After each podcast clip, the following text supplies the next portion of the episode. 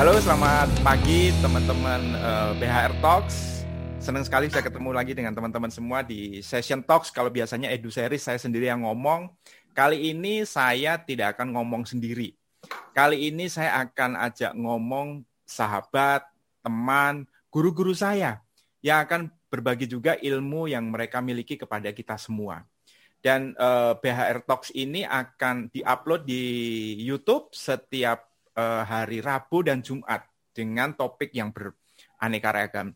Dan ekstraksi dari apa yang kita bicarakan di YouTube ini juga akan tampil di Spotify, di channel uh, Basri Adi, dan Apple Podcast. gitu. Jadi teman-teman mungkin yang nggak sempat nonton YouTube bisa dengerin di jalan melalui uh, Spotify dan Apple Podcast bagi para pengguna Apple. Nah, hari ini adalah sesi yang spesial karena ini adalah BHR Talks yang Pertama karena sebelumnya talksnya tanpa ada BHR-nya, ini ada BHR-nya. Jadi BHR Talks yang pertama hari ini saya menghadirkan tamu. Saya sel selalu memanggil beliau Bu, walaupun walaupun sebenarnya ternyata kami ini satu alma mater, satu angkatan gitu ya. Dan berarti uh, apa namanya?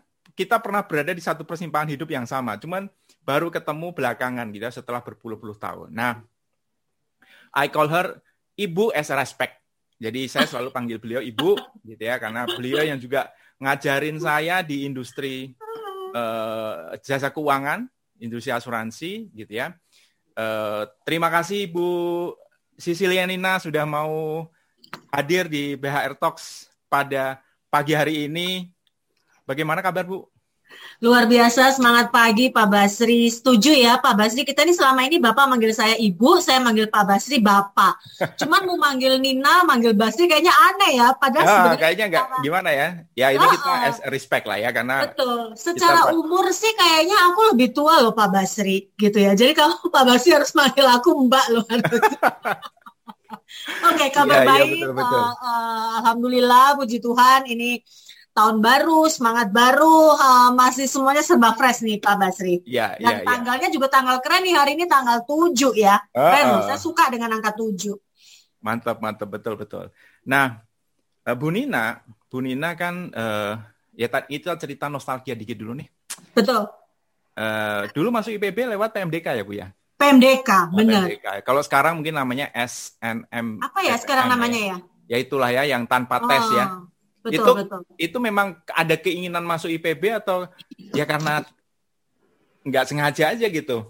Oh, nah sebenarnya itu ceritanya juga unik Pak. Tapi dari cerita itu sebenarnya saya juga belajar banyak. Nanti mungkin di sesi pembicaraan kita lanjut akan nyambung. Jadi sebenarnya ceritanya begini. Saya pribadi nih kalau boleh flashback ke masa SMA, entah kenapa zaman dulu banget itu saya pengen banget masuk ke kehutanan UGM. Aneh kan? Oh. Lucu banget deh karena memang saya di SMA-nya itu biologi gitu. Oke, okay, oke. Okay. Pada saat itu lupa tanggal berapa tiba-tiba zaman itu masih TVRI ya tiba-tiba yeah. di TVRI itu ada berita terakhir itu ada teng teng teng teng teng teng teng gitu yeah, ya dan yeah, di berita yeah. terakhir itu tiba-tiba di tahun itu diumumkan bahwa PMDK dihapuskan gitu padahal yeah. saya di di Malang itu tinggalnya di Singosari jadi agak jauh gitu uh, keturunan Kendedes Pak Basri okay, kurang okay. lebih dari Singosari ke Malang zaman segitu itu uh, belum ada tol kurang lebih sekitar 45 menitan gitu ya. Yeah. Jadi saya bela-belain dari kelas 1 sampai kelas 2 SMA itu ngekos di Malangnya supaya fokus untuk ngejar si PMDK. Karena ayah saya ini orangnya disiplin banget karena PMDK kan konon katanya yang dilihat adalah rapot kelas 1 dan kelas 2. Betul, betul, betul. Nah, dan dulu itu kayaknya elit banget ya kalau bisa tembus. Oh, oh kalau bisa masuk PMDK itu kayaknya sultan banget sultan lah banget zaman sekarang benar, bilangnya gitu.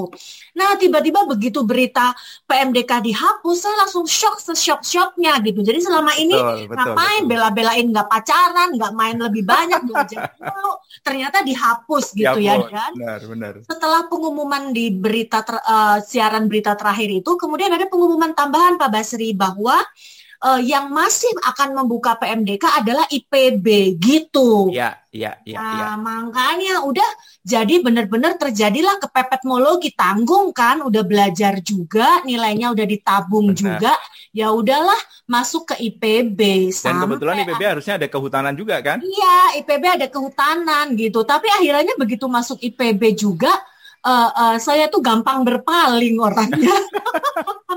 Terus saya nggak suka kehutanan. Kenapa? Pas saya lihat ternyata yang yang apply kehutanan tuh laki semua, Pak Iya, iya benar-benar. Gitu. Dan saya pada saat itu kan uh, di SMA saya salah satu part untuk yang uh, model di SMA zaman segitu ya Pak, modal madul lah bukan model. Terus harus kuliah di IPB yang culun begitu, kadang benar. kita sendal jepit aja boleh gitu. Nah saya tuh ngerasa aduh kalau masuk ke hutan kok kayaknya ngeri. Jadi di tingkat persiapan bersama saya banting setir tuh Pak Basri dari uh, kehutanan pindah ke agribisnis. Begitulah kurang lebih ceritanya. Dan agribisnis itu termasuk jurusan yang jurusan cewek-cewek ya. centil eh, ya. Kalau untuk ukuran modis, IPB, modis lah gitu ya. Di ukuran IPB cewek tercentil itu ya di di agribis ya kayaknya iya, ya. Benar-benar. Dan buat saya memang benar sama seperti Bunda banyak pelajaran yang saya bisa dapat ketika masuk IPB. Pertama ya pelajaran pasti mandiri ya, jauh ya. dari orang tua. Kalau Ibu Ibu kan udah ngekos dari sejak SMA nih. Kalau saya kan belum ya. ngekos gitu kan. Terus yang kedua Tuh, Pak kita ketemu memang orang mana toh? Bukan orang Bogor ya, Pak? Semarang. Oh, alah. Semarang. Dan di situ saya merasa bahwa saya bisa berada di Indonesia itu karena di IPB. Karena dulunya kan teman kita pasti ngomong Jawa kabeh. Nah, iya. begitu masuk IPB, ada yang ngomong pakai bahasa betul, Batak, ada yang ngomong pakai bahasa betul. Padang gitu ya. Bahkan belakangan saya dapat istri orang Padang gitu. Jadi berasa Indonesia banget ya, Bu ya. Iya, dan, dan mungkin IPB uh, itu uh, ya. Sabang sampai Merauke ya, Pak Betul, Basri. betul. Jadi memang belajar keberagaman itu ya awal mulanya dari IPB ya, ya saya kira betul, ya, Betul banget, betul Dan banget. saya orang yang beruntung karena masuk IPB itu PMDK. Keluar juga PMDK loh Bu saya, Bu gitu. Jadi nggak banyak nggak banyak anak IPB yang masuk PMDK keluar PMDK. Kalau masuk itu kan penelusuran minat dan kemampuan. Itu uh, terus kalau keluar? Keluarnya Baru adalah perhimpunan mahasiswa 2 koma bu.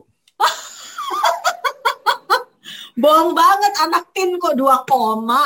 Karena Iya kan anak IPB itu kan biasanya apa namanya belajarnya rajin-rajin ya. Uh, uh, Kalau uh, bahasa uh, anak saya ambis. Iya betul ambis. betul. Nah, kalau Bina apa sih yang dulu didapat yang membawa akhirnya sampai uh, berkarir itu eh berasa banget ya gue dapat pelajaran itu dulu ketika kuliah tuh begini, akhirnya bisa membawa sampai ke sekarang berkarir itu karena pelajaran itu gitu. Oke, okay. kalau dari saya Pak Pak Basri, pertama pembelajaran saya di IPB itu koreksi kalau saya salah di era di zaman kita kuliah pada saat itu, itu IPB adalah satu-satunya perguruan tinggi yang menerapkan sistem uh, paket gitu ya. Sementara betul, yang betul, lain betul, udah sistem betul, SKS. Ingat nggak ya kan? Betul. Yang namanya sistem paket itu kita berasa kayak anak SMA, nggak ada tuh milih apa, kagak ada. Pokoknya ada, naik kelas, ada. naik kelas. Jadi benar-benar kita tuh di kepala dicetak yang namanya kenaikan kelas. Begitu yeah. kita nggak naik kelas, itu kita masuk ke kelompok namanya RCD. Ingat nggak ya? Dan RCD betul anak-anak RCD ini isinya anak-anak yang kemudian mengalami mungkin kalau zaman sekarang adalah problem di mindset gitu ya. Ya, Jadi kalau betul. Bilang, it's okay to be not okay itu kayak cocok buat anak-anak RCD karena mereka udah belajar setengah mati and yet nggak naik tingkat. Mm-hmm. efeknya adalah mereka menyiksa adik kelasnya gitu ya jadi butuh pelampiasan. Ya pelampiasan. Jadi buat saya di sisi positifnya adalah dengan sistem paket ini mengajak saya untuk disiplin. Pertama disiplin karena memang anak perantau tinggal di kos nggak bisa cengeng lagi dengan orang tua. Yang kedua ya karena paket ini. Dan bahkan pembelajaran yang paling ngeri di di IPB pada saat itu itu kita gila banget. Sabtu Minggu itu ada praktikum. Ingat nggak Pak Basri zaman segitu? Sabtu ujian Minggu Sabtu praktikum. ujian Minggu praktikum. Dan praktikumnya tengah malam gitu. Sementara yeah uh, sementara kita kan yang namanya anak kuliah lagi seneng-senengnya jauh dari orang tua, yeah, gak yeah. ada kekangan, pengennya kan bebas, kagak hmm. ada bisa bebas. Jadi setiap hari Sabtu Minggu itu kerjanya nyari kakak kelas, nyari buku-buku pinjaman karena besokannya benar, kuliah lagi, besokannya kuliah lagi. Benar. Itu satu. Jadi pembelajaran disiplin, pembelajaran dalam tanda kutip dipaksa yang akhirannya adalah sengsara membawa nikmat sih pada akhirannya. Yang benar, kedua, benar kalau Pak Basri boleh notice dan ingat-ingat masa lalu di IPB itu zaman saya nggak tahu zaman yeah. sekarang ya Pak Basri, itu semua pelajarannya adalah dasar-dasar dasar-dasar ya, tanah, dasar-dasar kehutanan, semua dasar-dasar. Sehingga karena kita dikasihnya dasar dan zaman dulu nggak kayak anak kuliah zaman sekarang yang banyak project bisa. Zaman dulu kan kayaknya kita belum bersahabat dengan Mas Google, orang kita nggak punya handphone, Boro -boro, ya kan? Ya zaman kan? itu nggak ada handphone deh. Orang saya ingat banget awal-awal saya masukin proposal uh, skripsi itu masih sebagian saya ketik pakai mesin ketik brother gitu. Benar. Jadi benar-benar dengan dasar-dasar itu jadi kita benar-benar cari tahu, belajar kerjaan kita tuh nyari ke anak-anak Jakarta yang lumayan kaya, numpang karena mereka hmm. jadi setiap dulu zaman saya pacaran tuh saya paling senang kalau diajak pacarannya ke Jakarta, ke Senen Pak Basri. Kenapa? Kenapa nyari Senen? Buku, nyari Kenapa? buku, oh, nyari buku, buku, buku di Kuitang itu, ya. iya, di Kuitang itu. Jadi, so balik lagi sampai hari ini akhirnya ketika bekerja ternyata somehow kita memang perlu dikasih uh, uh, apa ya semacam uh, uh, pagar atau semacam pecut sticknya terus hmm. untuk hmm. akhirnya kita menjadi disiplin dan dari situ kalau kita menyimak itu dengan positif akhirnya itu sebenarnya proses yang memaksa kita mengeluarkan potensial kita sih Pak Basri. Betul. Sehingga betul. ketika masuk ke dunia kerja menghadapi situasi yang berubah sampai hari ini saya tua menghadapi Covid pun kita udah ada cetakannya gitu loh Pak Basri. Coba ya. Pak notice deh, notice ya anak-anak lulusan IPB itu kalau ketemu ngobrol, ketemuan nih reunian gitu, ya, ya, kelihatan ya. tuh polanya gitu, cara cara ngomongnya itu udah ada ya, pakemnya, strukturnya tuh kelihatan banget ya itu tadi karena semuanya dikasih iya, dasar. Bentuknya dari Ibarat situ ya. buku tuh dikasih raknya ya, tugas benar, kita ngisinya. Itu sih Pak Basri yang paling berasa banget. Iya sih benar-benar. Jadi memang uh, apa namanya?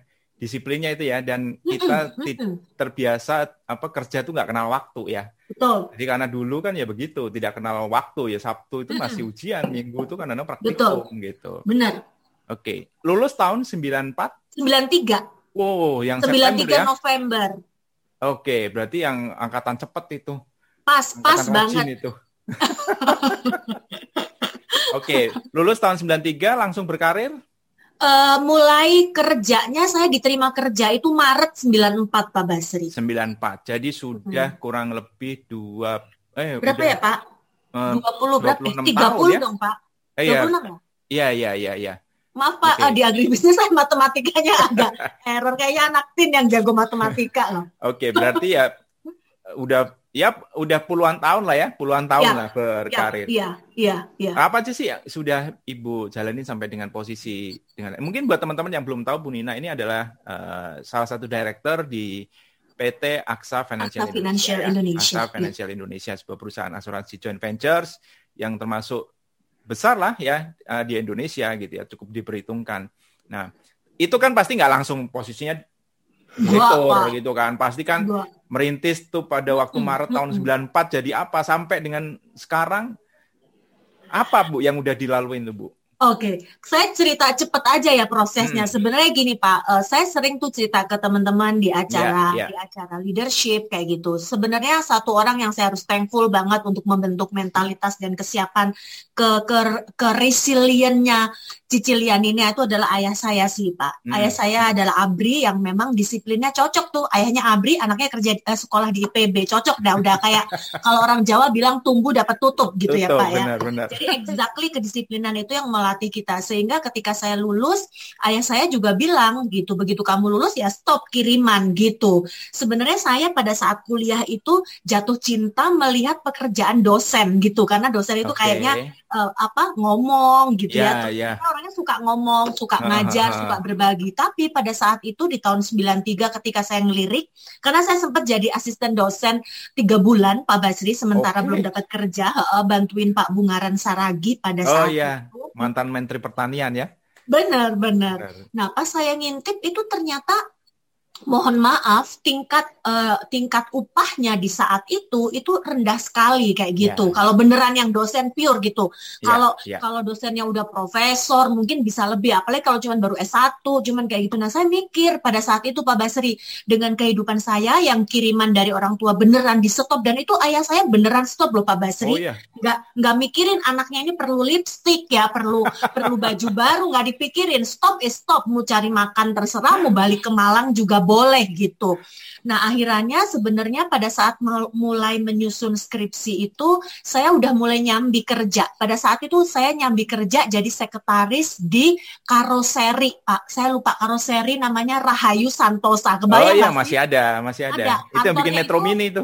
Uh -uh. Jadi kantornya itu dari Bogor masih ke arah Cilegon deh kalau nggak salah Pak Basri gitu jauh okay. gitu ya dan pada saat itu tuh saya ber, jadi sekretaris direksi yang isinya laki-laki semua dan tukang gitu ya jadi betul, saya ngerti betul, bagaimana truk di karoseriin ya, dan ya. segala macamnya tapi dari situ saya dapat pembelajaran bagaimana mengimplementasikan ilmu yang nggak ada hubungannya at all menjadi coba jadi sebenarnya ilmu yang saya pelajari pada saat itu adalah relationship bagaimana seorang Nina bertemu dengan orang-orang lain tapi itu ya. nggak yeah. lama cuman sekitar tiga bulan habis itu saya iseng nyari di koran saya pindah ke sekretaris lagi masih di sekretaris juga okay. itu di Bank Danamon di warung jambu waktu itu oke okay. okay. nah, di warung jambu Bang pertanyaan Danamon. saya nih kenapa karirnya justru dari sekretaris ke sekretaris ya mungkin ada sesuatu Karena saya mikirnya gini pada saat itu Pak Basri kan yang saya pelajari itu adalah agribisnis.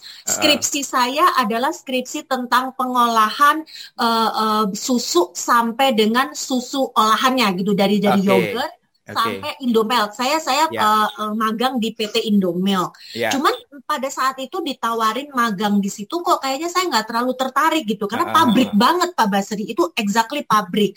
Tapi saya pada saat di Indomilk itu saya ngeliat si sekretarisnya bos itu kok kayaknya cantik banget, terus kayaknya okay. enak gitu ya, yang rumping-rumpi gitu. Terus saya bilang, eh kayaknya enak banget ya jadi sekretaris itu gitu. Jadi itu kepala saya awalnya. Jadi pada saat masih nyusun skripsi pertama di karoseri, yang kedua di bank.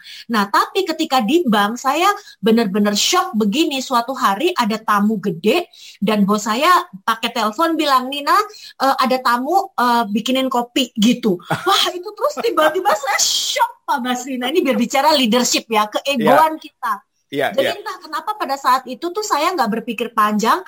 Hari itu saya disuruh bikin itu saya gemeteran pak. Tiba-tiba saya nginget gini, cicilan ini kan pinter loh kuliahnya ya. Uh, Aduh iya, iya, iya, kopi gitu ya pak. Uh. Itu rasanya harga diri di kayak di di becek-becek gitu ya. Benar, benar. Terus uh, uh, orang tua saya gimana kalau tahu anaknya kuliah tinggi-tinggi ternyata kerjanya cuma bikin kopi, kopi gitu ya. Benar, benar.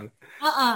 Akhirnya kemudian besokan harinya, exactly besokan harinya saya ngajuin surat resign karena memang itu oh, juga iya? belum pure lur, uh, apa, belum pure lu, uh, lulus, Bet, langsung pak. Okay. Kebetulan bosnya itu teman gereja satu, saya bukan teman gereja, satu gereja satu dan gereja. dia bilang dia nanya Nina kenapa kamu resign saya terus terang dan saya tuh benar-benar jujur ngomong saya saya nggak bisa bu disuruh bikin kopi dan itu ibunya ketawa ngakak-ngakak dia bilang Nina maksud saya bikinin kopi itu bukan kamu yang bikin yeah. Lah office boy gitu. Cuma saya kan delahom ya waktu itu Pak Basri. Udah akhirnya saya keluar dari situ. Jadi lumayan itu antara bulan Februari saya ingat banget keluar. Uh, akhirnya saya cukup aktif di gereja bantuin kurs segala macam sambil ngelamar-ngelamar kerjaan sampai nah pada saat itu kan lulusan IPB itu terkenal banget pasti kerjanya di bank Institut yeah, ya, Perbankan yeah, yeah. Bogor pada saat itu Pak yeah, Basri. Yeah. akhirnya saya coba ngelamar-ngelamar di bank untuk manajemen trainee sebenarnya ada dua waktu itu yang panggil saya, salah satunya adalah BCA, salah satunya Bank Masil. Tapi BCA ini prosesnya panjang Pak Basri karena mungkin dia bank besar ya, ya gitu dan ya. dan saya sudah terhimpit dengan cash flow Pak Basri. Tuh kan ketemunya sama cash flow lagi kan. Kepepetmologi lah ya. Oh, oh. Akhirnya yang manggil pertama adalah Bang Masil, ya makanya saya ambil Bang Masil. Tapi ajaran orang tua saya itu selalu gini Pak Basri itu saya ingat sampai sekarang dia bilang begini jadilah ikan di kolam jadilah ikan besar di kolam kecil ya. daripada kamu jadi cuma ikan kecil di kolam besar ya kalau bisa kamu jadi ikan besar di kolam besar lebih bagus gitu Sehingga Tapi Bu, sorry, tadi saya potong dulu. Yang tadi nih menarik tuh yang tadi mengenai tadi yang disuruh bikin kopi tadi. Tapi iya. memang uh, uh, apa mungkin Ibu kenal salah satu teman kita juga uh, Handri Satriago kan. Dia tesis S3-nya adalah mengenai leadership followership gitu ya. Betul, betul, Bahwa betul. ternyata organisasi yang berhasil itu tidak semata-mata karena leadernya yang bagus tapi juga followersnya yang yang bagus oh, ya kan?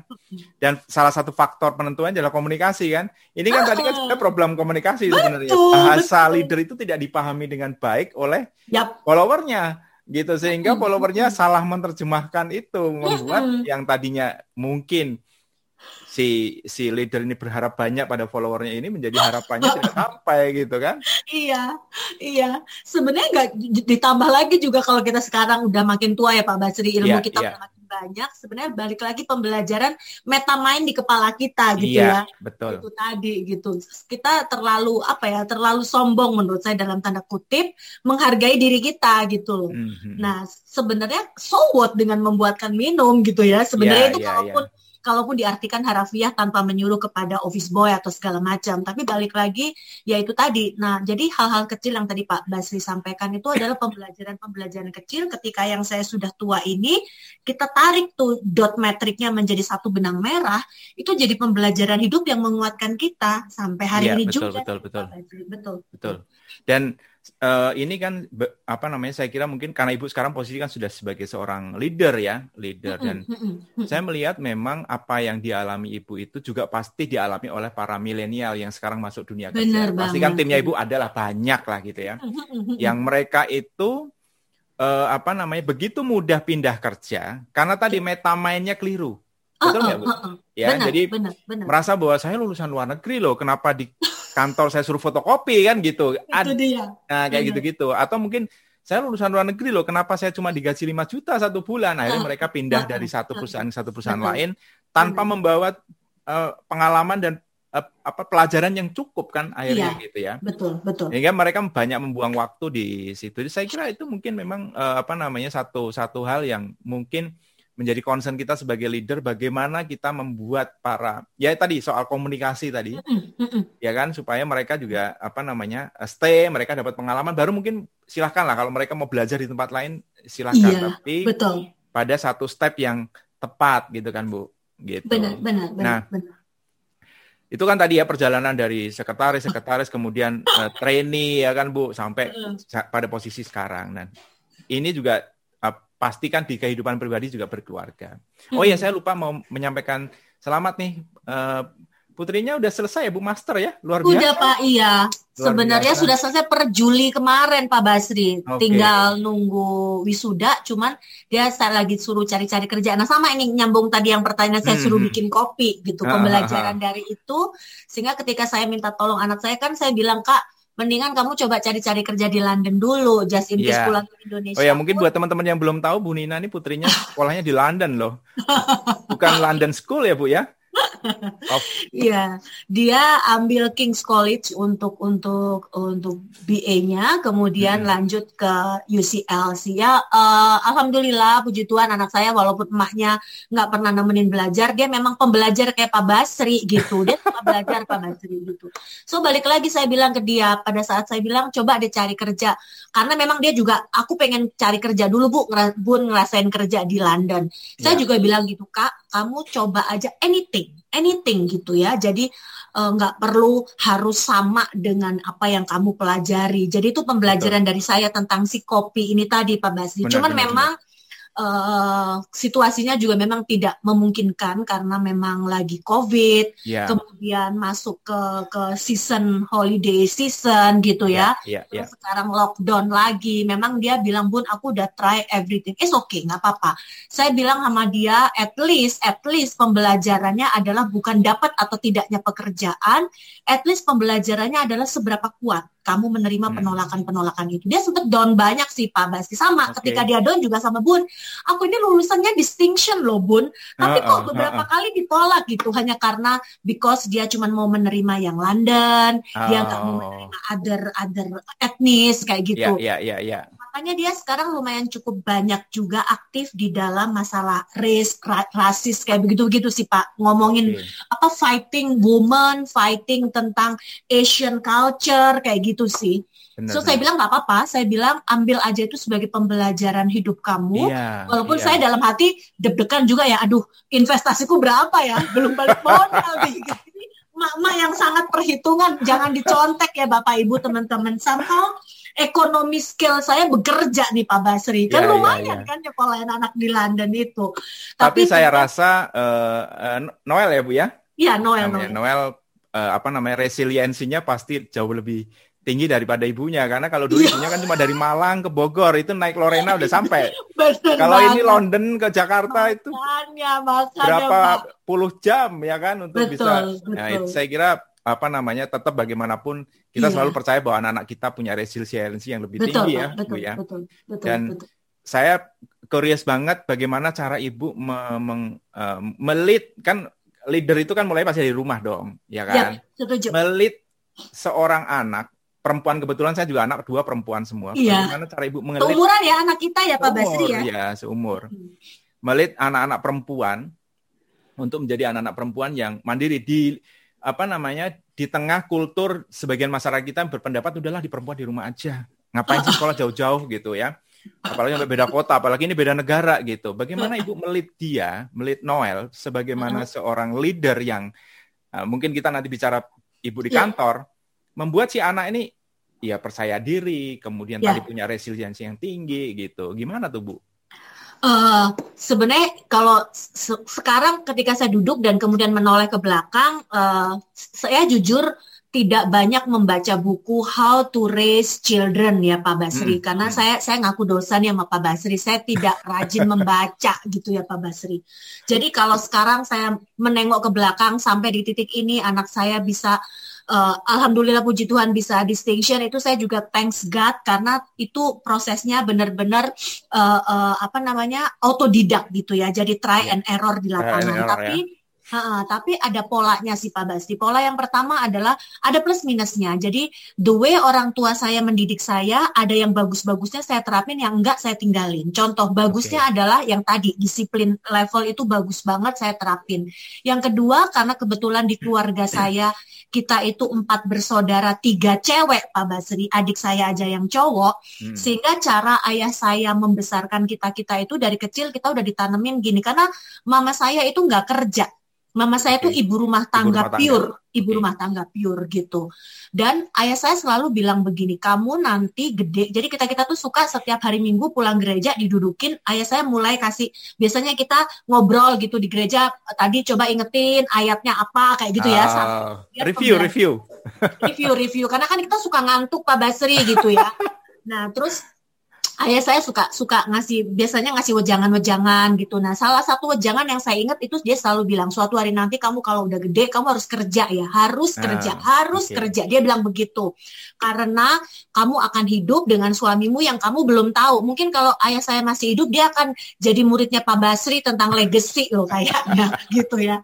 Nah, dia bilang pokoknya kamu harus kerja dan ketika kamu kerja pastiin ya dari duit kamu itu kamu pakai untuk aset untuk oh. biaya operasional hidup harus dari suamimu dia bilang begitu okay. karena kalaupun ada apa-apa kamu punya pegangan gitu. Zaman itu dia belum ngerti asuransi ya Pak Basri. Yes, yes, asuransi yes. itu punya enam item seperti itu. Nah walaupun waktu itu saya sempat sempat uh, apa namanya sempat menyangkal ya, menyangkal dalam artian apa sih ngomongin kayak gitu kita kan Katolik, Katolik kan nggak mungkin cerai gitu yeah, kan. Iya iya iya iya. Pikiran kita tuh masih idealis bahwa semua iya. laki-laki yeah. baik seperti Pak Basri yang mengizinkan istrinya tanam tanaman di tempat pekerjaannya gitu ya.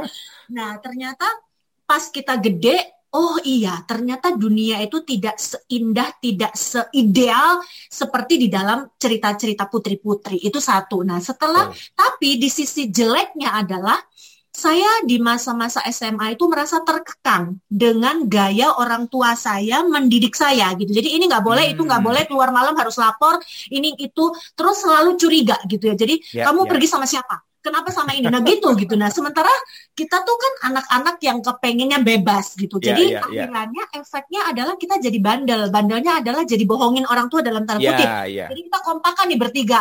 Kalau kakak saya misalkan pergi, nanti kalau bapak bilang e, Nuni di mana, bilang aja udah tidur ya, padahal belum ah, pulang, uh, kayak gitu Pak Basri. Jadi gitu, sekompak itu. Nah, pembelajar dan akhirannya saya sempat memberontak, benar-benar memberontak kecewa sama ayah karena saya sama ayah saya tuh nggak pernah akur ya Pak Basri kita hmm. ngobrol 7 jam jam ke 8 pasti ngomel gitu pasti beranteman gitu karena dia ngeyel saya juga ngeyel nah dari pembelajaran itu kemudian ketika saya punya anak saya mencoba menerapkan lebih liberalis jadi saya hmm. mencoba menerapkan benefit of doubt jadi saya nggak mau yeah. jadi security-nya dia gitu yeah. Pak Basri dari ya. semenjak kecil. Jadi dari semenjak kecil membuat pilihan pun saya berikan kebebasan, tapi saya ajarin dia apa pun yang dia pilih itu konsekuensinya dia telan gitu. Betul. Saya pernah cerita nih ke betul. Pak Basri ya, ya zaman ya, masih betul. kecil deh, kelas satuan kalau nggak salah, suatu hari dia nanya hari Sabtu tuh mau, mau ikut siapa kak? Biasanya Sabtu tuh kita hari santai gitu. Jadi hmm. suami saya sibuk bermain mobil karena istri pertamanya dia kan mobil. saya sibuk perawatan diri dong. Zaman ya, itu kan ya, belum ya, ada ya. aglonema Pak Basri. Belum, belum kenal ya waktu itu ya. Belum, belum. Belum insaf soalnya. Belum, belum insaf. Nah, jadi anak saya saya tanya mau ikut bunda atau ikut ayah. Dia bilang ikut bunda. Nah, kita tuh kan kalau nyalon tuh lama Pak Basri, mani pedis segala macam yes. dan Nola tuh suka baca. Jadi sambil nungguin emaknya dia baca. Dia kan pakai kacamata dari kecil tuh Pak Basri. Betul, betul. Terus mungkin dia bosen ya karena lama tuh dia bilang nih bunda bunda ayo dong pulang lama banget gitu. Yeah. Terus bilang gini, loh kak kakak kan harus konsekuen kan nggak ada yang maksa tadi kan benar, kakak benar. bilang mau ikut bunda tahu nggak anak kecil itu udah bisa jawab begini aku sih konsekuen bun tapi aku salah pilih gitu loh itu nah jadi itu adalah salah satu contoh uh, the way saya menerapkan gaya hubungan saya dengan Noel itu bukan antara ibu dan anak, tapi lebih yeah. kepada ke temen gitu. Yes, Entah yes, kenapa yes. dulu suami saya juga kepengennya gini, aku pengen suatu hari punya anak yang panggil aku bukan panggil ayah, tapi panggil nama gitu. Uh, Jadi anak uh. saya tuh waktu kecil kita bawa ke kantor suami saya, uh. dia tuh manggil uh, manggil bapaknya bukan ayah, bukan panggil nama gitu.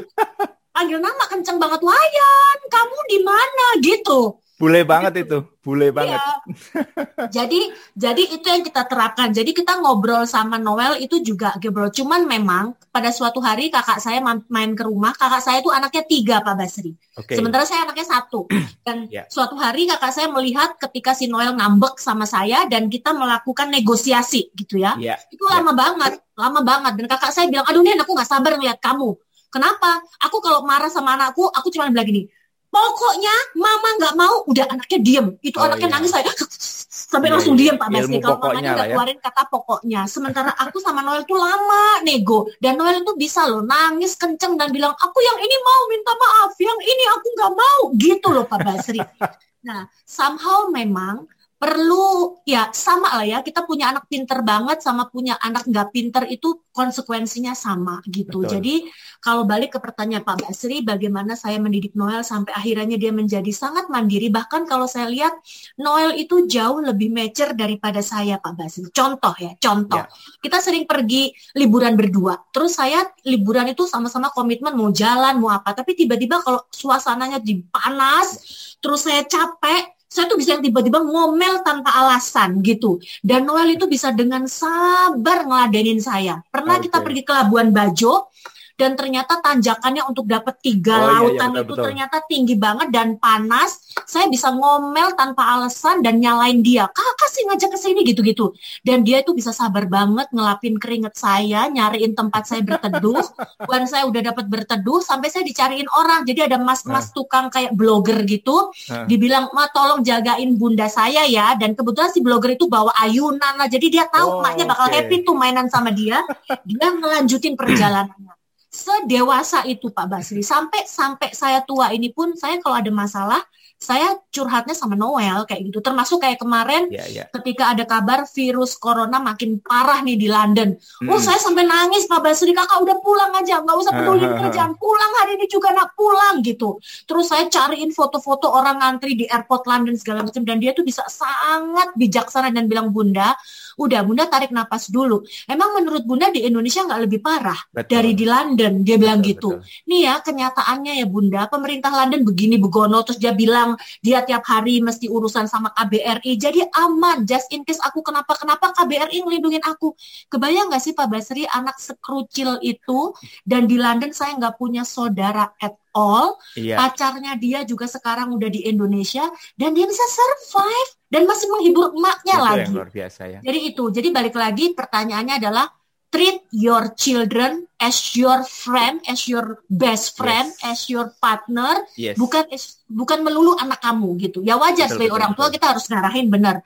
Tapi ya. Sabo kan kesalahannya orang tua itu adalah merasa kita orang tua, ya. jadi merasa kita, kita paling tahu. Caranya, oh, oh, uh, gitu. Benar-benar. Itu saya tadi, saya ya. sepakat banget. Jadi memang mm -hmm. sama lah kondisi dengan anak saya kan juga begitu. Mm -hmm. Jadi mm -hmm. saya sepakat banget dengan Bu Nina mm -hmm. uh, treat, treat her as a friend, ya kan. Yeah, Kemudian yeah. yang kedua tadi yang saya tarik dari uh, apa yang Ibu sampaikan tadi yang cocok adalah ambil keputusanmu sendiri, tapi mm -hmm. kamu harus tahu konsekuensi dari keputusan yeah. yang kamu ambil, yeah. ya kan. Karena kalau kita seorang ini pelajaran di anak saya nih mau berangkat mm -hmm. ke Bali hmm. jalan-jalan sama teman-temannya ke Bali. Saya hmm. bilang begini, oke, okay, sebelum berangkat ke Bali, kamu harus tahu konsekuensinya apa gitu. Hmm. Ya hmm. segala macam lah ada namanya harus PCR, harus swab, nanti di sana isolasi mandiri, pulang isolasi. Kamu harus tahu konsekuensinya. Iya, hmm. terus kemudian kalau misalnya di antara teman-temanmu itu ada yang kena positif, hmm. what will you do? Ya itu harus di konsekuensi itu kan harus di mereka harus Betul. kasih tahu karena sekuat apa pun saya melarang, ya dia udah pengen gitu. Tapi begitu dia berpikir sendiri oh ya ya begini oh ya begitu. Akhirnya dia sendiri memutuskan ya udah deh aku nggak usah berangkat. Kan anak-anak sekarang gitu. Dan Betul. satu lagi bu yang tadi saya tangkap ini menarik nih. Mm. ibu tadi bilang bahwa suaminya hobi mobil kemudian ibu menemukan kebahagiaannya sendiri dengan uh, uh -uh. pergi ke salon. Saya kira memang harusnya begitu ya. Uh -uh. di rumah tangga itu saya perhatiin ya banyak orang yang pengen menemukan kebahagiaan dengan cara merusak kebahagiaan orang lain Misalnya contoh tadi, udah tahu suaminya bahagia kalau ketemu mobilnya. Kita larang-larang nih, gitu. Sepertinya kayak istri saya lah ini sekarang lagi hobi-hobinya taman gitu. Saya larang gitu. Itu kan sebenarnya merusak kebahagiaan dia. Iya, betul. Kalau dia nggak bahagia, saya otomatis juga nggak bahagia. Akhirnya semua hmm. jadi nggak bahagia. Ya sudah, betul, kalau betul. misalnya tadi suaminya mobil, ya sudah istri temukan kebahagiaannya sendiri kan, betul kan bu ya? Nah, jadi everybody happy lah gitu. Rumah juga rumah juga terang lah gitu kan ya selama selama kebahagiaan itu dalam artian masih di dalam koridornya ya, lah ya. Pastilah, nah, pasti kita kan, takutnya dewasa, nanti kan. Ada orang men men mengartikan begini kebahagiaanku adalah kalau bisa uh, flirting dengan other people kan Red. Wah itu secara norma aja udah keliru tuh. Saya tidak mau.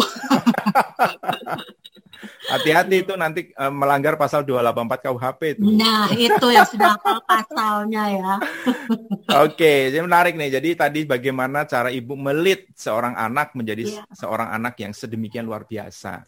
Nah, hmm. tapi di sisi lain sebagai seorang ibu, ibu kan juga sebagai leader di kantor. Betul. Apakah perlakuan yang sama ibu perlakukan kepada tim ibu di kantor. Which is kalau tim di kantor jauh mungkin jauh lebih susah ya karena kalau anak cuma satu, kita mungkin ketemu tiap hari. Ini kan orang dengan berbagai macam umur, berbagai macam latar belakang rumah tangga, latar Betul. belakang uh, uh, pendidikan. Bagaimana ibu meng, meng, me, melit mereka gitu ya sehingga mereka mau apa namanya menjadi bagian dari sebuah tim yang ya saya kira tim ibu luar biasa lah gitu. Yap, yap. Nah, sebenarnya itu juga proses sih Pak Basri kalau menjawab itu. Dulu zaman saya masih kerja di bank, tapi pada saat saya pas kerja saat itu saya belum ngerasain ketika saya keluar dan kemudian ketemu okay. lagi saya baru melihat diri saya gitu loh jadi kan orang perlu uh, disosiasi untuk si herself or himself gitu ya yeah. Jadi pada saat saya kerja di bank saat itu menurut saya saya udah baik gitu. Tapi ternyata hmm. setelah saya keluar ketemu lagi dengan teman-teman lama, kemudian dia cerita, oh ternyata dia tuh dulu takut banget nih kalau ketemu sama Bu Dina dia tuh jutek banget. Terus nggak berperasaan banget nih kalau ngomong gitu okay. Pak Bekri. Kaget perasaan saya ini halus loh orangnya gitu ya ternyata ada orang yang tersinggung dengan saya. Jadi saya belajar uh. lagi, belajar lagi. Kemudian saya masuk di bisnis asuransi. Kemudian saya sempat ditempa di gereja juga. Mungkin gereja itu juga menempa saya menjadi individu yang lebih. Karena saya awalnya, karena mungkin darahnya juga arema gitu ya. Hmm. Culture itu kan juga membentuk kita. Betul, betul, pasti, jadi pasti. individu yang gak sabaran, Pak Basri, uh. gitu. Gak sabaran dan emosian gitu. Hmm. Nah, suatu hari dari setelah saya kerja kerja kerja udah di asuransi sih waktu itu kemudian hmm. saya saya ikutan training yang yang waktu itu training uh, salah satu part trainingnya adalah dengan Bapak Tung Desem. Uh, sebenarnya trainingnya yang itu dapat lisensi jalan di atas api itu Pak. Oh, Oke. Okay. Yeah, di yeah. dalam proses training itu kan ada proses untuk kemudian kita relaksasi dan internalisasi diri kita yeah. kan. Yeah. Nah kemudian saya melihat kayaknya Nina suatu hari tuh orang nggak melihat Nina gitu. Suatu hari pas kalau saya mati tuh kayaknya Nina gitu aja gitu. Nah dari situ kemudian menjadi turning point saya. Saya ingat banget itu tahun 2010. Itu turning point saya untuk kemudian saya mesti change lah menjadi seorang hmm. Nina yang yang lebih mature lagi kayak gitu. Nah akhirnya saya menemukan diri saya untuk kemudian berani, berani dalam artian berani mengambil keputusan sebagai seorang leader untuk mungkin tidak menjadi favoritism gitu. Karena zaman okay. sebelum 2010 itu saya pengennya menjadi leader yang semua orang suka sama saya. Iya, Kepengennya yeah, yeah, gitu yeah. Pak Pastri. Yeah, Sehingga yeah, yeah. anything saya say yes gitu.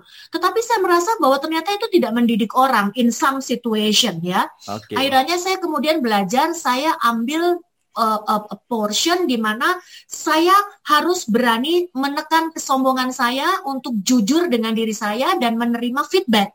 Dan kebetulan hmm. pada saat itu dengan Bapak Gordon Ho saya diajarin uh, ikutan pertama kali training sama dia dari 2006, 2010 baru saya dapat semua benih-benihnya bahwa feedback is always a gift kayak gitu hmm, ya. Okay. Nah dari situ saya kemudian belajar untuk nggak marah kalau dikasih feedback, untuk hmm. nerima kalau dikasih feedback seperti itu.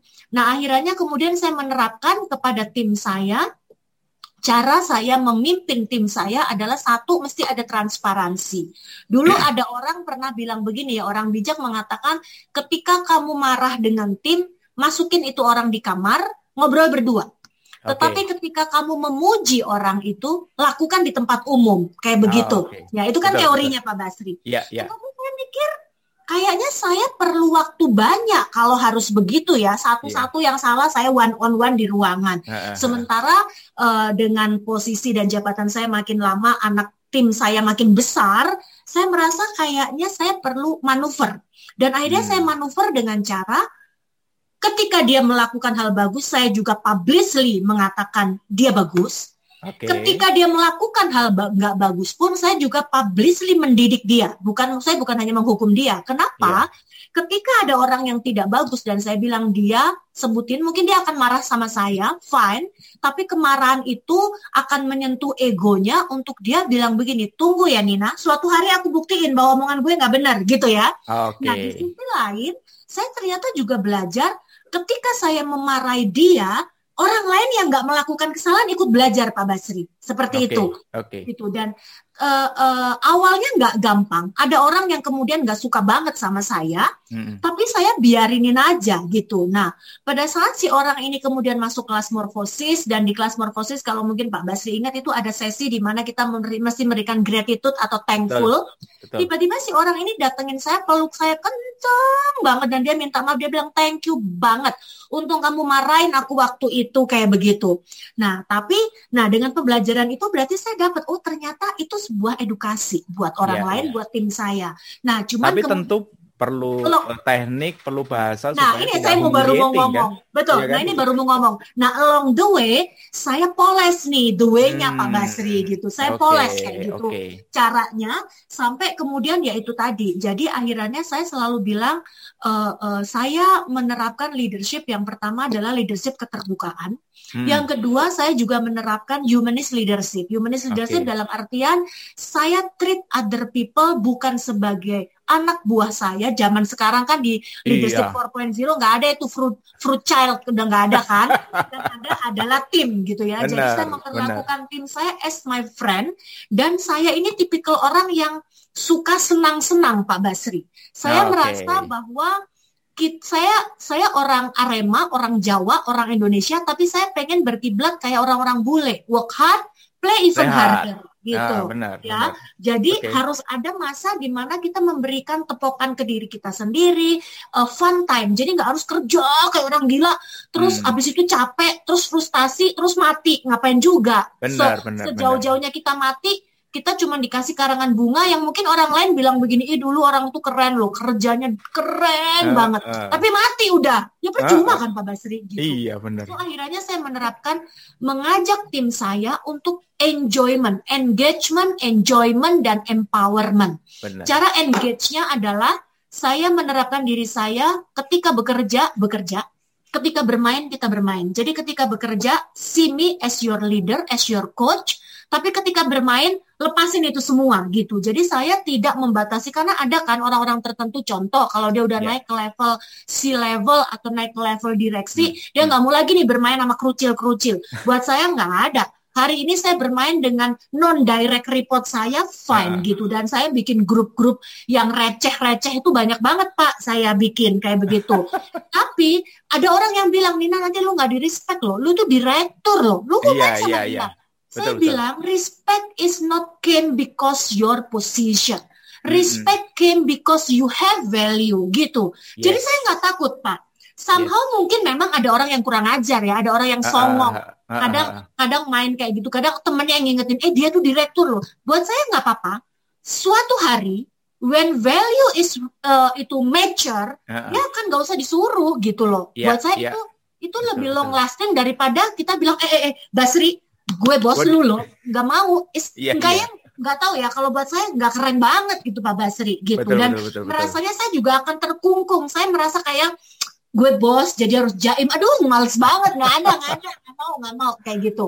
Itu satu. Jadi saya terapin yang namanya enjoyment. Yang kedua enjoyment. engagement, engagement dalam artian saya menerapkan benefit of doubt gitu. Jadi okay. saya nggak mau tiap hari harus jadi security. Let's say kalau ada tim saya yang bilang bu hari ini saya uh, izin ya nggak bisa work from home. Saya nggak mau tuh curiga jangan-jangan dia bohong, pasti dia hmm. males nih gitu. Hmm, hmm, hmm. Saya nggak mau, tapi once in a while ya contoh misalkan setiap awal bulan ketika saya meeting virtual karena sekarang yeah. udah ya. era virtual ya Pak Basri. Betul, betul saya memang minta semua kamera on gitu. Ya. Lebih kepada kita engage, tapi juga lebih kepada untuk respect each other. Karena somehow betul, dengan virtual ini nggak gampang ya orang untuk dipaksa memberikan respectnya, dengerin sampai full. Kadang kita ngomong jadi kayak itu loh, kayak orang dengan radio, dia sambil masak, sambil ini. Betul, Selain betul. Saya itu itu memang uh, salah satu problem di mana itu hmm. saya lihat sebagai gegar budaya lah ya. Cultural ah, gegar shock ya. budaya. ya. Betul, belum betul. belum ya memang uh -huh. itu butuh butuh pembelajaran. Uh, nah, Ibu Bu Nina, tadi kan Ibu Nina udah cerita banyak tuh soal uh, uh. Uh, apa? Uh, eh satu lagi belum selesai Pak oh, oh, belum belum. kan ya, ya, ya, ya. Uh, uh, nah satu lagi adalah empowerment. Nah empowerment okay. ini hati-hati. Kadang orang bilang empower, padahal sebenarnya bukan empower tapi tai chi gitu. Oh, okay. Jadi when we talk the word empowerment, make sure kita ngerti, walaupun nggak ngerti sampai detail. Contoh nih, saya ini orangnya gaptek, teknologi parah banget saya yes. Pak Basri gitu. Tapi okay. saya harus sebagai leader harus melakukan empowerment terhadap teknologi. Jadi saya belajar. Jadi eh, bukan melulu kita harus tahu sampai teknis, tapi saya tahu nih kerangka kerjanya. Nah, sama yes. saya melihat anak-anak muda zaman sekarang menjadi leader, dia bilang saya empower bu. Sebenarnya dia bukan empower, dia nggak ngerti ngerjain itu, dia suruh orang lain, nggak bisa Pak Basri gitu.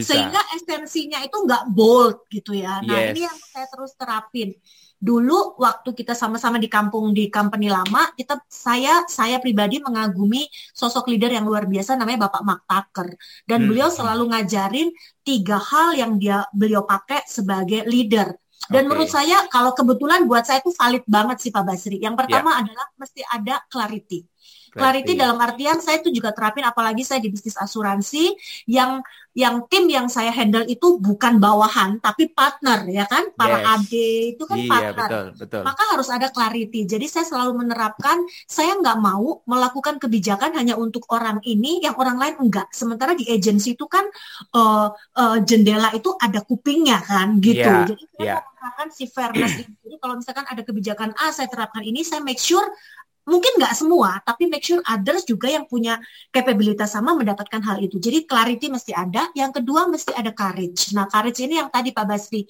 termasuk courage menerima feedback, termasuk courage juga untuk kita menjadi orang yang berani melakukan di situasi yang mungkin nggak enak dan kita yes. harus take risk. Betul. Nah, betul. yang terakhir adalah tapi tetap humanity seperti itu. Oke. Okay. Jadi clarity, courage, and humanity itu buat saya sama yang tadi saya terapin di di kepemimpinan saya adalah enjoyment, engagement, and empowerment. Itu sih okay. Pak. Udah udah selesai kalau ini. nah, oke okay lah. Jadi menarik banget. Mm -mm. Tapi pernah nggak sih Pak Ibu pada pernah berada pada satu situasi begini, bukan leader ya? Mm -mm. Saya ini sudah melakukan hal yang seharusnya leader lakukan. Mm -mm. Tapi kenapa follower saya tidak mau atau tidak melakukan apa yang seperti saya lakukan. Pernah nggak sih ada perasaan itu dan bagaimana Ibu mengatasi kayak gitu tuh? Sering banget Pak Basri. Nah. Sering ya. Gitu. Kalau kalau kemarin di masa sebelum pandemi itu cara saya mengatasinya enak banget. Saya tinggal hmm. bikin one on one, balikin lagi kalau kayak kita di bisnis sale itu sebenarnya paling enak. Kenapa? Okay. Karena semua ukurannya adalah kuantitatif ya. Sedikit yes. aja lah paling Contoh kayak saya punya 10 direct report, dari 10 direct report saya paling cuman ada satu yang divisi training aja yang uh, ukuran satuan kerjanya nggak kuantitatif, yes. tapi lebih kepada kualitatif. Ya. The rest is kuantitatif. Jadi kalau zaman pandemi dulu enak Pak Basri, tinggal kasih KPI-nya, misnya di mana, nah saya tinggal ngomongin di situ, enak banget gitu. Dan hmm. somehow saya bilang di area ini kamu nggak achieve, padahal saya udah ngelakuin A, B, C, D gitu. Hmm. Dan dan cara saya me melit tim saya saya dan termasuk menggrooming tim saya karena saya juga harus nyiapin suksesor gitu iya, kan. Yeah, yeah, yeah. Nah itu adalah saya nggak punya waktu untuk sengajarin satu-satu, maka cara cepat kayak contoh ini Pak Basri dengan melakukan podcast ini kan sebenarnya sebuah leveraging untuk menggaruk banyak orang untuk belajar di saat yang bersamaan. Yeah. Contoh tadi Pak Basri uh, agensi XYZ untuk jadi bagus perlu waktu let's say 25 tahun. Nah, hmm. ini adalah sebuah hmm. bentuk percepatan juga kan. Nah, makanya cara saya memimpin adalah tinggal lihat saya. Kalau Bapak Tung Desem bilangnya adalah ATM, amati, tiru dan tiru modifikasi, modifikasi gitu. Yeah. Jadi saya selalu melakukan itu dan saya selalu tanamkan kepada tim saya, kamu nggak akan akan pernah bisa sama kayak Cicilianina. Okay. Tapi lebih bagus bisa gitu. Jadi itu yang okay. saya terakhir. Sama kadang ada orang melakukan role model, saya pengen kayak dia, terus harus exactly kayak dia, jangan loh. Itu yang ada kita bisa frustasi once kita nggak bisa matching gitu kan. Iya. Sama mungkin nggak, lebih jelek bisa, tapi lebih bagus juga bisa loh. Jangan salah seperti itu.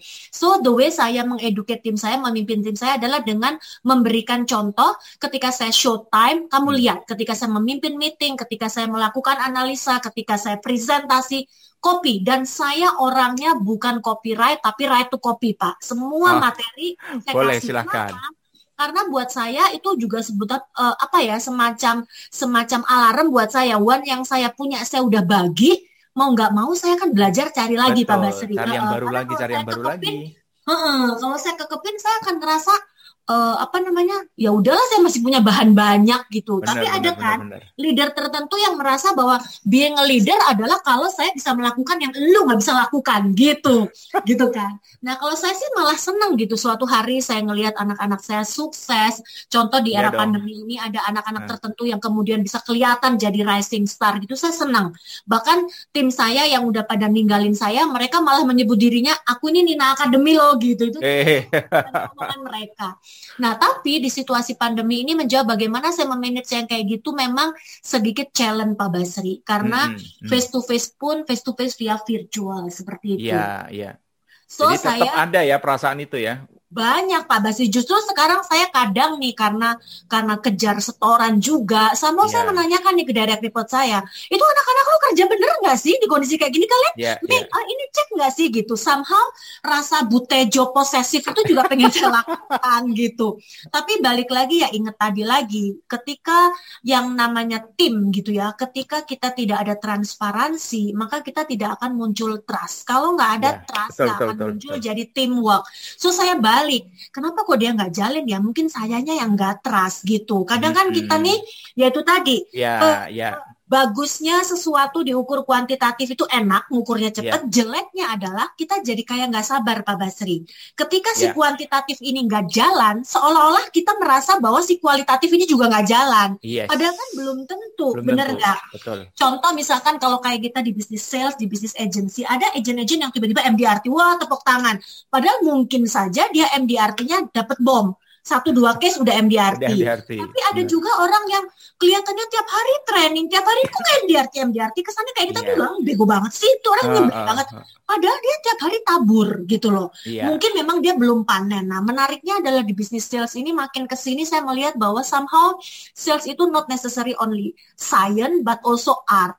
So balik lagi ketika mengalami situasi itu sekarang saya pembelajaran besar dari COVID ini saya menjadi lebih bijak untuk kemudian menelaah melihat apakah benar memang dia itu dalam tanda kutip left behind hmm. atau nah left behind kalaupun benar nih jawabannya kalaupun benar kenapa left behindnya karena Betul. personal dia punya problem atau karena memang dianya males atau uh, uh. karena circumstancesnya yang belum berpihak pada dia Betul. gitu sih Pak Basri. Betul. Jadi memang saat ini saya punya ruang lebih agak legowo untuk mau menerima situasinya dan belajar. Cuman repotnya karena saya ini kan bukan bos di saat paling bos paling atas jadi somehow saya juga sandwich generation ya, sayanya ya. sabar yang di atasnya, di atasnya nih nggak sabar iya, gitu iya. seperti tinggal itu. bagaimana kita berdiplomasi kan kalau kayak iya, gitu kan. iya nah palingan ya. yang sering kali terjadi gini pak kalau ada orang yang memang benar-benar uh, uh, kinerjanya low banget dan banyak nih misalkan si A ngomong kalau kalau di agensi ini kan berarti leader A lapor bu si ibu ini nggak support saya begini-begini si ini nggak ini ini gitu kan biasanya kayak hmm, gitu hmm, hmm, nah saya sekarang sih dengan era virtual ini saya mulai terapin transparansinya saya ngomong gini nih ya feedback is a gift saya bilang. Kamu dapat report dari ini ini ini ini. Dari ini ini ini ini. Gitu yeah, kan? yeah, yeah. saya nggak minta kamu melakukan excuse. Nggak ya. usah yeah. gitu. Tapi saya kasih waktu. Berapa lama kamu sanggup untuk membuktikan bahwa omongan dia dia dia nggak bener? Gitu pak. Tapi contoh tentunya saya tahu nih orang ini bakal nggak kayak gitu kok sebenarnya kayak gitu. Yeah. dan itu ternyata bisa terupgrade walaupun memang tetap kalau kita bicara empat kuadran kan Pak Basri ada yang willingness capability kan? Yeah. Ada orang yang memang willingnessnya tinggi, tinggi capability rendah, capability tinggi yeah. willingness rendah atau dua-dua tinggi nah tapi memang tetap aja ada orang yang willingness dan yeah. capability-nya nggak ada ya get rid for your info di era corona ini saya juga mengget rid orang sih mau nggak mau Pak Basri iya yeah. iya yeah. uh, ada sekitar tiga orang yang saya terpaksa harus no iya. other choice manage out Mung karena balik iya. lagi mungkin perusahaan dia tempat akan lebih saya baik di tempat yang lain kan bisa jadi iya uh -uh. karena perusahaan tempat saya bekerja ini kan depannya PT bukan yayasan gitu jadi exactly. jadi betul, mau nggak mau ya itu sih pak itu sih pak Iya, iya betul betul. Jadi benar lah kita memang uh, apa namanya kalau kita sebagai leader itu kan tadi kita, apalagi ini kan perusahaan yang uh, apa namanya uh, pada usaha gitu kan. Memang kita harus tahu menempatkan diri kita kita sebagai seorang pribadi yang pengennya banyak ulas AC gitu. Tapi kita juga harus berdiri pada kaki di mana usaha kita juga mesti survive loh gitu. Jadi betul, kita harus betul. rasional. Iya nah, bicara soal pandemi tadi bu. Uh, kalau menurut saya nih ya pandemi buat saya memang tahun 2020 itu tahun yang menurut saya banyak banget beri kita pelajaran. Ya kan? Kalau kita bicara di financial planning ini tahun yang luar biasa. Kenapa? Ngasih pelajaran buat kita. Latihan pensiun. Kita ya, ya, ya, ya. pensiun kita udah sudah latihan nih. Betul, ada yang betul. di pensiun beneran karena kantornya mungkin tutup. Ada yang kayak kita nih masih bisa kerja tapi dikerjain di rumah gitu kan?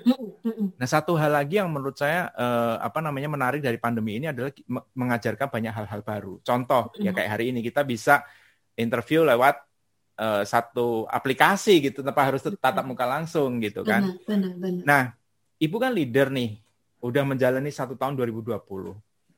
Di mana ini adalah pandemi ini adalah masa kita dipaksa untuk masuk dalam era yang disebut yang banyak disebut oleh banyak analis, pengamat, era disrupsi. Era disrupsi digital, gitu kan. Menurut Ibu nih, uh, ada apa namanya uh, pergeseran makna sih nggak sih leadership pada saat pra pandemi, pra disruption dengan leadership pada saat yang sudah kita jalani sekarang ini pasca disruption nih sekarang gitu hmm. ada pergeseran hmm. makna nggak sih? Oke, okay. kalau menjawab pertanyaan itu jawabannya kalau pertanyaannya ada nggak sih? Jawabannya ada banget Pak Basri. Hmm, hmm. Gitu. Buat saya pribadi juga 2020 ini sebenarnya adalah sebuah training global di mana kita dipaksa untuk ikutan training dan yeah. kita harus lulus gitu. Sebenarnya choice lagi sih mau boleh nggak lulus juga nggak apa-apa. Tapi saya memilih untuk lulus gitu. Iya, yeah, iya. Yeah dengan dengan masuk ke dalam disruption digital, mau nggak mau sebagai leader punya pergeseran makna. Pergeseran makna kalau dari sisi saya, saya menariknya sebagai bentuk pergeseran makna ke arah positif. Positif okay. dalam artian boldnya si leader harus makin kelihatan. Ketika hmm. leader itu kemarin adalah leader yang cuman kaleng-kaleng gitu ya, hmm. hmm, hmm. leader yang karena kursinya dia menjadi leader, betul, masuk betul. ke dalam situasi pandemi, akhirnya ketahuan itu kursinya pantas nggak buat dia dudukin buat gitu. Dia di situ, betul. Nah, tetapi betul. ketika kualitas kita sebagai seorang leader memang valid as a leader, di pandemi ini kelihatan Pak seperti itu gitu karena it's not easy to manage people only because of virtual seperti itu.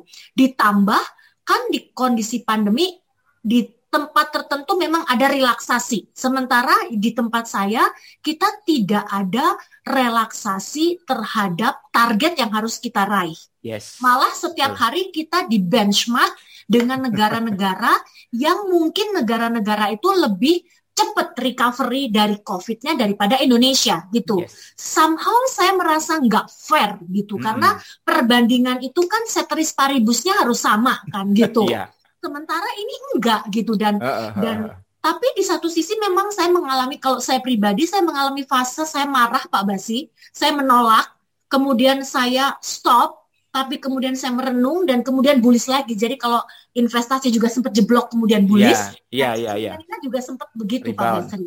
Iya, sempat tetap sebet, uh, merasakan seperti itu juga. Nah, balik lagi pergeseran maknanya adalah lebih kepada pergeseran makna as a leader kita jadi lebih strong, lebih resilient, yeah. lebih agile atau tidak. Nah, as a follower juga akan lebih melihat dia bekerja dengan leader yang tepat enggak seperti itu. Oh, Oke. Okay. Gitu. Jadi bahkan uh, uh, uh, thank you banget buat tim saya di era pandemi ini banyak banget yang kemudian datang bersama saya dan karena ketika pandemi ini engagement saya tingkatin Pak Basri. Hmm. Karena saya hmm. terus terang kan tadi saya bilang di awal saya buta soal digital. Okay. Tetapi mau nggak mau saya harus masuk ke digital. Kayak tadi saya ngomong Bu Nina pakai handphone ya. Iya, itu salah satu uh, kelem kelemotannya Cicilianina sampai hari ini saya belum cemplungin itu ke laptop. Walaupun di era ini saya udah sampai investasi beli laptop sendiri untuk ya, kayaknya ya, keren. Ya. Teman saya bilang, "Bu, masa sih ibu kok cuma di handphone?" Karena saya udah ngerasa nyaman. Saya tuh orang setia loh Pak Basri. Kalau udah satu-satu salah ya. Setia apa lemot beda tipis ya, setia ya, sama ya, lemot. Ya. Nah, Nah ini ini yang yang saya bilang. Jadi dari saya pribadi saya ngerasa justru di era pandemi ini saya lebih engage dengan tim saya. Yeah. Saya merasa lebih dekat dengan tim saya. Saya merasa lebih banyak di enrich. Jadi bukan mereka yang belajar dari saya, saya juga belajar dari mereka. Yeah. Tapi mereka pun datang ke saya dan bilang Bu, because kita punya kamu sehingga kita bisa loh survive sampai akhirnya menjalani semua proses ini dan boleh dibilang kita mendapatkan piala yang keren gitu bahkan hmm. di Desember kemarin uh, track record rapot saya 145% exit wow, dari target gitu. biasa. Walaupun mungkin secara absolut number dibandingin company yang lain nothing lah ya, tapi buat saya itu adalah sebuah oh, iya piala Uh, uh, small win, ya, yeah. small win yang yang datangnya bukan karena seorang Cicilianina, tapi because of tim Pak Basri, yes. gitu. Yes. Yes. Dan itu benar-benar kita merasakan miracle happen day by day seperti itu. Dan saya merasakan work from home ini membuat saya menjadi work for hours, Pak Basri. Kalau kerja kantoran kan jam 6 pulang, jam 8 pulang bener, kelar loh. Ketika bener, pulang bener. itu benar pulang dan laptop mati kan. Iya sekarang kita udah terbiasa di jalan pun laptop nyala. Nyala. Bahkan tim saya tuh ada yang sampai ya sambil nyetir ya kalau dia misalkan harus pergi ke mana, waktunya ngasih report itu dia nyalain laptop loh pak. Jadi saya ngelihat apa ya loyalitas tim kita juga meningkat gitu. Benar. Uh, uh, itu saya lihat banget. Kemudian bagaimana kita jadi lebih yang tadinya itu divisi sales ya mikirin sales, operation mikirin operation. Sekarang kita cross function gitu. Justru yes kemarin kita saya salah satu di dalam BOD meeting saya bilang 2021 mau ngapain. Nah, saya bilang 2021 kita sebagai BOD siapin waktu untuk mau jadi coach, tapi coach untuk cross function gitu loh. Jadi oh, saya nggak nge-coach yeah. tim sel doang gitu yeah, karena yeah, yeah, yeah. dan itu kita udah mulai jalanin. Jadi ketika kita melakukan year end review itu kita kasih kolom di dalam digitalnya hmm. untuk kemudian dia meminta uh, masukan dari other function tentang ya. pekerjaannya dia. Yeah. Dan ini buat saya keren karena sama kita kan kayak kuda Pak Basri ya. Kalau kita orang sales tahunya sales mulu gitu. Nah, Dan itu yang jadi akhirnya biasanya suka memicu konflik sama orang finance biasanya. Iya, sama orang finance, sama orang operation kan. Oh. Oh, oh. Nah, itu yang yang pembelajaran bagus yang saya langsung terapin di Q1 ini. Bukan Q1 ya, udah kemarin kita kita yeah, inisiasinya yeah, yeah. gitu. Cuman karena memang kesibukan kita masing-masing, jadi kita mau jatahin satu minggu satu BOD nge-coach dua orang kayak begitu. Karena yes. yang tadi saya bilang Pak Basri, kemudian kita menemukan rising star rising star baru di era pandemi ini yang kemudian kelihatan bagus seperti itu. Salah satunya Pak Basri kenal Umik itu salah satu anak ya. saya yang ya ya ya, ya. star banget Mbak di era ya. pandemi okay. ini gitu. Nah, itu okay. yang kita mau coba lakukan gitu. Jadi balik lagi thank you banget makanya ketika Pak Basri ngajakin saya di sini, saya bilang thank you banget dengan pandemi ini kita punya jendela lebih banyak yes. untuk melakukan literasi, edukasi banyak hal. Walaupun Benar. ekspertis kita adalah asuransi, tapi kita bisa ke berbagai lini. Yang kebetulan betul, betul. si asuransi ini kan gendernya sangat fleksibel ya, kadang fleksibel. laki, kadang cowok, kadang di tengah-tengah. Iya, benar. Dan ini buat saya adalah cocok banget. Dan satu yang saya belajarin, Pak, ini quote ini saya ngomongin, saya nggak ngerti anonim dari siapa, saya copas aja, tapi saya sudah merasakan beberapa kali di era pandemi ini. Jadi gini, di situasi apa pun teruslah berbuat baik. Berbuat baik dalam artian bukan berbuat baik tapi tidak berpikir ya, berbuat yeah, yeah. bagus lah, doing the right thing. Teruslah yeah. lakukan itu. Ketika kita beruntung, kita akan menemukan orang bagus juga. Yeah. Tapi kalau kita nggak beruntung, kita ditemukan orang bagus. Nah, saya iya. boleh testimoni dikit ya Pak Basri. Iya, ini iya. agak Silahkan. waktu sedikit. Jadi gini, kemarin itu schedule saya super duper padat. Jadi pagi mesti meeting sama summit, kemudian ada acara dengan grup office, kemudian oh. mesti ada isi uh, woman empowerment, ada isi IG live dan juga ada sesi sore dengan si Aksa General gitu. Nah, karena ke mana-kemana ke mana. Beberapa acara itu meminta saya harus video on. Jadi saya memilih tempat yang jangan di jalan karena nggak keren banget ya Pak kalau singkat cerita acaranya Umi yang terkorbankan. Uh. Jadi saya korbanin, korbanin dalam artian saya melakukannya nggak in proper place, tapi ya di tempat ketika saya melakukan habis woman empowerment di tempat itu. Cuman uh. di tempat itu tempat umum dan di lalahnya saya pikun banget, saya nggak bawa earphone gitu. Jadi kalau okay. saya kencengin suaranya Umi didengerin se restoran itu, yeah. saya juga kan saya juga nggak enak. Akhirnya uh. saya melipir cari tempat di mana sinyal nggak bagus sampai rekamannya juga keputus-keputus. Akhirnya saya melakukan di satu sudut deket toilet Pak Basri gitu. Okay. Nah saya ngoceh aja ngomongin itu ngomongin itu kenceng. Jadi setiap orang ke toilet saya jadi kayak tukang jaga toilet kayak juru kuncinya toilet gitu. Sini Pak, sini Pak gitu. Iya iya iya. Selesai saya meeting itu kemudian saya duduk baru minum kopi saya. Kemudian ada suami istri datengin saya. Dia okay. bilang Bu, Ibu uh, motivator ya. Saya bingung ya jawab apa kan kalau saya jawabin saya asuransi panjangan ya. Panjang, Udahlah, panjang. Iya aja. Iya, saya bilang begitu. Terus dia bilang, kebetulan Bu, saya lagi cari motivator dan tadi saya dengerin Ibu bagus banget. saya mau toilet dengerin. Istri saya ke toilet dengerin. Terus istri saya bilang, Papa tungguin itu motivator deh pagi tuh. Belum di follow up, tapi at least sudah. Jadi artinya sebenarnya when you do the right thing, itu kita percaya bahwa medan magnet di sekitar kita itu merespon gitu loh Pak Betul. Basri. Betul. Ya itu tadi saya bilang. Itu bahasa zaman dulunya mestakung itu Bu. Ah, mestakung, semesta mendukung ya. Ketahuan banget sih lahir tahun itu. berapa. nah itu yang tadi saya bilang dan itu saya testimoni lagi-lagi ke tim saya. Saya bilang itu tadi ketika kita terus melakukan yang baik nggak usah pakai hitungan nggak usah pakai pamrih ya ada aja gitu ya kita bisa menemukan orang bagus betul, betul. nah orang itu atau dia yang menemukan kita dan ketika Benar. ngobrol ternyata uh, potensinya banyak pak. Saya bisa masuk lewat syariahnya kayak hmm. begitu walaupun pada saat kemarin tuh saya lagi pakai busana yang tidak syariah tapi dia tetap nyaman ngomongin iya, syariah yeah, yeah. dengan saya.